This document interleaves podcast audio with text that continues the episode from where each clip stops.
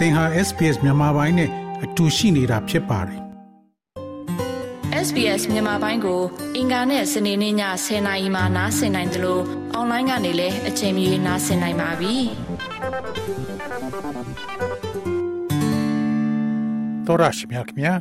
တိုင်းပြည်အတွင်းဖြစ်ပွားနေတဲ့ပဋိပက္ခများကြားမှမြန်မာနိုင်ငံမှာကြန့်ရှိနေသေးသောမိသားစုဝင်များအားဩစတြေးလျသို့ပြန်လည်နေရာချထားရန်ကူညီရန် အလို့စိတ်အားထက်သန်နေတဲ့မြောက်ပိုင်းပြည်နယ်ရှိမြန်မာဒုက္ခသည်အုပ်စုတစုက ပြောကြားပါတယ်။ဆယ်ရာဒီမြန်မာနိုင်ငံမှ လူနည်းစုတိုင်းသားဖြစ်တဲ့ကရင်လူမျိုးစုအတိုင်းဝိုင်းမှာ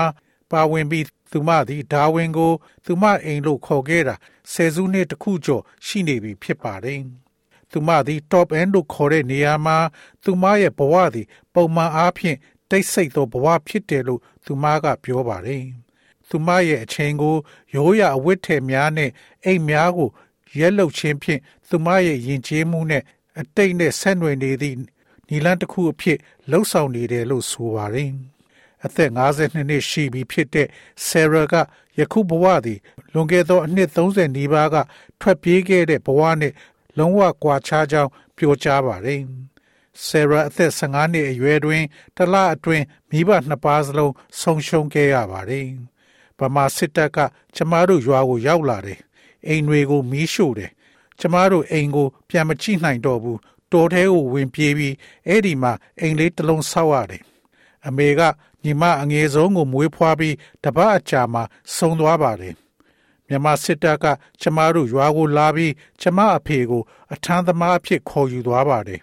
နှစ်ပတ်ကြာပြီးတဲ့နောက်သူပြန်လာပြီးဖျားခဲ့ပါတယ်နောက်တစ်ပတ်အကြာမှာသူသေဆုံးသွားပါတယ် ဆယ်ရာဟာမိဘမဲ့ကလေးဖြစ်ပြီးခြံရိပ်ခဲ့တဲ့သူမရဲ့မောင်နှမ9ယောက်ဖြစ်တဲ့ညီမ3ယောက်နဲ့ညီအကို2ယောက်ကိုပြုစုခဲ့ရပါတယ်။ကရင်ပြည်နယ်ကဂျေးရွာအနီးတောနဲ့ထဲ၌စစ်တပ်များမှဘုံအောင်နေစဉ်တွင် သူမသည်ငါးမုတ်ခေါင်းပါခြင်းနှင့်ကြုံခဲ့ရပြီးအဝတ်အစားအနှဲငယ်နဲ့သာရှင်သန်ခဲ့ရတယ်လို့ဆိုပါတယ်။ တောထဲကိုပြေးဝင်သွားတဲ့အခါကျမညီမငယ်များနဲ့မောင်ငယ်များကိုကျွေးဖို့အစားအစာအနှဲငယ်သာယူခဲ့နိုင်ပါတယ်။ဒါပေမဲ့ကျမတို့မှနောက်ပိုင်းဘာမှမရှိတော့တာကြောင့်ဝါများကိုသာစားခဲ့ရပါတယ်။1992ခုနှစ်တွင်ဆယ်ရာသည်ထိုင်းမြန်မာနယ်စပ်ရှိဘာမာဆူရင်ဒုက္ခသည်စခန်းကိုသူမပြည်နယ်မှထွက်ခွာပြီးသုံးပတ်ခရီးဖြင့်ခြေလင်ခရီးထွက်ရောက်ရှိခဲ့ပါတယ်။ မောင်တယောက်ကိုလမ်းမှာဆုံးရှုံးသွားတယ်လို့သူမကဆိုပါတယ်။သူမရဲ့အငယ်ဆုံးသောညီမကို သူမရဲ့ဆရာက မွေးစားခဲ့ပြီးရန်ကုန်သို့ခေါ်ဆောင်သွားပါတယ်။ကြံရှိနေသောညီမနဲ့အကိုများမှာသူနဲ့အတူဒုက္ခသည်စခန်းသို့မကြာမီရောက်ရှိခဲ့ပါတယ်။ဒုက္ခသည်စခန်းမှာရှိစဉ်ဆယ်ရာသည်အိမ်တောင်ကျပြီးကလေးနှစ်ယောက်ရှိခဲ့ပါတယ်။သားနဲ့သမီးပါသူမနေထိုင်ရာဒုက္ခသည်စခန်းမှထွက်ခွာသွားပြီး ချမ်းတန်းတဲ့ချင်းဖော်ဖက်ထံမှနောက်ထပ်ခိုးလွန်ခွင့်တောင်းခံခဲ့ရတယ်လို့ဆိုပါတယ်။ကျမရဲ့ကလေးတွေနဲ့အတူဒုက္ခသည်စခန်းရှိ အမျိုးသမီးများရဲ့ခိုးလွန်ရာနေရာကို ကျမထွက်ပြေးခဲ့ပါတယ်လို့သူမကဆိုပါတယ်။အဲဒီမှာနှစ်နှစ်ကျမနေခဲ့ရပါတယ်။ ဩစတြေးလျလူမှုအတိုင်းဝိုင်းမှာအခြေချပြီးဆယ်ရာကသူမအမတူဩစတြေးလျကိုလာရန်နှစ်အနည်းငယ်ကြာစပွန်ဆာပေးခဲ့ပေမဲ့သူမကြန့်ရှိနေသောမိသားစုဝင်များကို ထောက်ပံ့ဖို့မတတ်နိုင်ခဲ့ဘူးလို့ပြောပါတယ်။သူမကဒုက္ခသည်စခန်းမှာအမနဲ့ညီမတယောက်ကြံခဲ့တယ်။သူမရဲ့ရန်ကုန်ကအမသေဆုံးတော်လဲကလေးများကြံရှိနေခဲ့တယ်။ သူမကလေးငယ်များကျမရဲ့တူနဲ့တူမလေးများသည်မြန်မာနိုင်ငံတွင်ဆက်လက်နေထိုင်တဲ့ရှိပါတယ်။ကြံရှိနေသောမိသားစုဝင်များကို ခေါ်ဆောင်လိုကြောင်းဆယ်ရာကပြောဆိုပါတယ်။ဘာကြောင့်လဲဆိုတော့သူမမြန်မာနိုင်ငံကို ပြန်မယ်ဆိုတဲ့အတွေးကမတွေးနိုင်လောက်အောင်ဖြစ်လို့ပါပဲလို့ဆိုပါတယ်။သူမပြောတာကဒါကသူမအတိုင်းဝိုင်းမှာဖြစ်လိဖြစ်ထားရှိတဲ့အဖြစ်အပျက်တစ်ခုလို့ဆိုပါတယ်။ ကရင်ဒုက္ခသည်တသိန်း၄000ခန့်သည်လက်ရှိထိုင်းမြန်မာနယ်စပ်ရှိစခန်းများတွင် နေထိုင်နေကြပါတယ်။ဆက်လက်ဖြစ်ပွားနေသောပြည်တွင်မငြိမ်မသက်မှုများသည့်ရက်ရွာအိုးအိမ်ဆုံးခွာခြင်းမပြုမီသူတို့ဟာဒေသတွင်ရှိသိငယ်သောတောင်ငယ်ကျေးရွာများတွင်လယ်သမားများအဖြစ်လုပ်ကင်ခဲ့ကြပါတယ်။2016သကောင်စရင်အရကရင်ဒုက္ခသည်တထောင်ကျော်သည်ဩစတြေးလျတွင် အခြေချနေထိုင်ခဲ့ကြပါတယ်။၎ င်းတို့အနက်90ကျော်သည်မြောက်ပိုင်းနယ်မြေကို၎င်းတို့ရဲ့နေအိမ်ဖြစ်သတ်မှတ်ခဲ့ကြပြီးအများစုမှာဒါဝင်နဲ့ပါမစတင်ဒေသများတွင် နေထိုင်ကြပါသည်ဆယ်ရာသည်ဩစတြေးလျသို့ပြောင်းရွှေ့အခြေချရန်ကရင်အတိုင်းဝိုင်းရဲ့ပထမဆုံးအသင်းဝင်တဦးဖြစ်ပြီးမကြသေးမီကတခြားမိသားစု12ခုနှင့်ပူးပေါင်းပြီး ဒါဝင်မြို့တွင်ပြုလုပ်သော လူထုလှုပ်ရှားမှုတစ်ခုတွင်ညှဉ်းပန်းနှိပ်စက်ခြင်းနှင့်ရှင်သန်ရပ်တည်မှုဆိုင်ရာသူတို့ရဲ့အဖြစ်အပျက်များကို မျှဝေခဲ့ပါသည်။အသက်29နှစ်အရွယ်ယာမင်မာက ပွဲကိုစီစဉ်ပေးခဲ့ပါတယ်။သူမသည်ကရင်လူမှုအတိုင်းဝိုင်းတွင်လည်းပါဝင်ခဲ့ပြီးသူမရဲ့မိဘများနှင့်မောင်နှမ၃ယောက်နှင့်အတူအသက်14နှစ်ကဩစတြေးလျကို2008ခုနှစ်ကထွက်ပြေးခဲ့ကြပါတယ်။ သူမသည်ဆယ်ရက်လိုစင်တူပုံပြင်များမရေမတွက်နိုင်သောအချိန်များဖြင့်ကြားဘူးတယ်လို့ပြောဆိုပါတယ်။ဩစတြေးလျရှိသူတို့ရဲ့မိသားစုများနဲ့တငယ်ချင်းများကို ပြန်လည်နေရာချထားရန်ဆက်လက်ကြိုးပမ်းနေခြင်းတွင် သူမရဲ့လူမှုအတိုင်းဝိုင်းမှာရင်ဆိုင်ကြုံတွေ့နေရသောရက်ဆက်ရုံမှမှုများအပေါ်အလင်းရောင်ပေးရန်အရေးကြီးတယ်လို့သူမကဆိုပါတယ်။ ဩစတြေးလျကို ကျမတို့ရောက်တဲ့အချိန်မှာ ကျမတို့ဘဝအပြောင်းလဲတွေအများကြီးရှိခဲ့ပါတယ်မြန်မာပြည်မှာနေထိုင်ကြတဲ့သူတွေအတွက်တော့မလွယ်ဘူးလို့လူတွေကိုပြောချင်ပါတယ်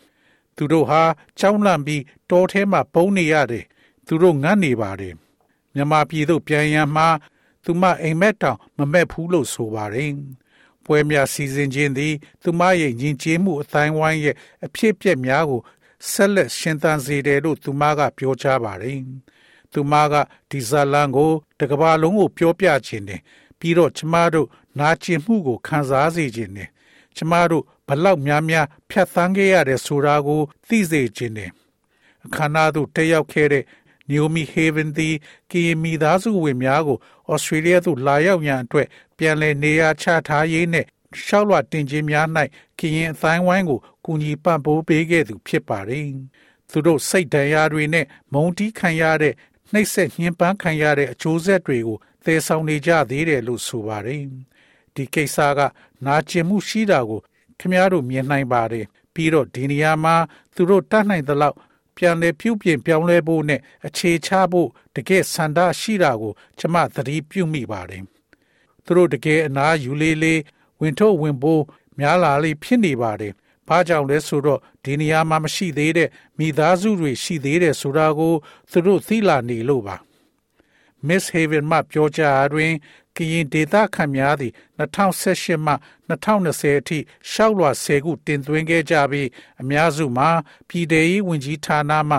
ပယ်ချခဲ့ပါတယ်။ရှောက်လွှာအများစုသည်ရက်ဆက်ရုံမှမှုများကို မျက်မြင်ကိုယ်တွေ့ကြုံခဲ့ရသူများဖြစ်တဲ့အတွက်ဖြစ်တယ်လို့ဆိုပါတယ်။သို့သော၎င်းတို့သည် သူတို့ဓာတ်ရိုက်ဖြစ်ပျက်ခဲ့ခြင်းမရှိသောကြောင့်၎င်းတို့ကိုညှင်းပယ်ခံခဲ့ရတယ်လို့ယုံကြည်တယ်လို့ဆိုပါတယ်။ပြည်ထောင်ရေးဌာနကတူဦးချင်းလျှောက်လွှာများကိုဌာနမှမှတ်ချက်မပေးဘူးလို့ဆိုပါတယ်။တချို့လူတွေမှာမိခင်ဖခင် အဖွာအဖိုးရှိပြီးသူတို့မှပြောနေနိုင်ပါတယ်လို့ဆာရာကပြောပါတယ်။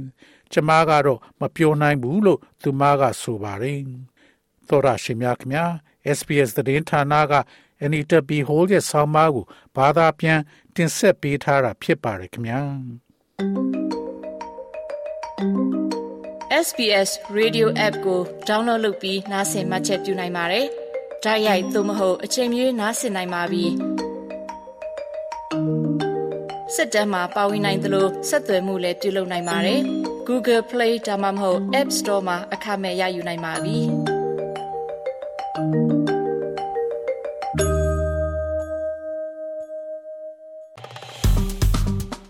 SPS မြန်မာပိုင်းကို Facebook ပေါ်မှာ like ရှာပြီး like မျှဝေမှတ်ချက်ပေးပါ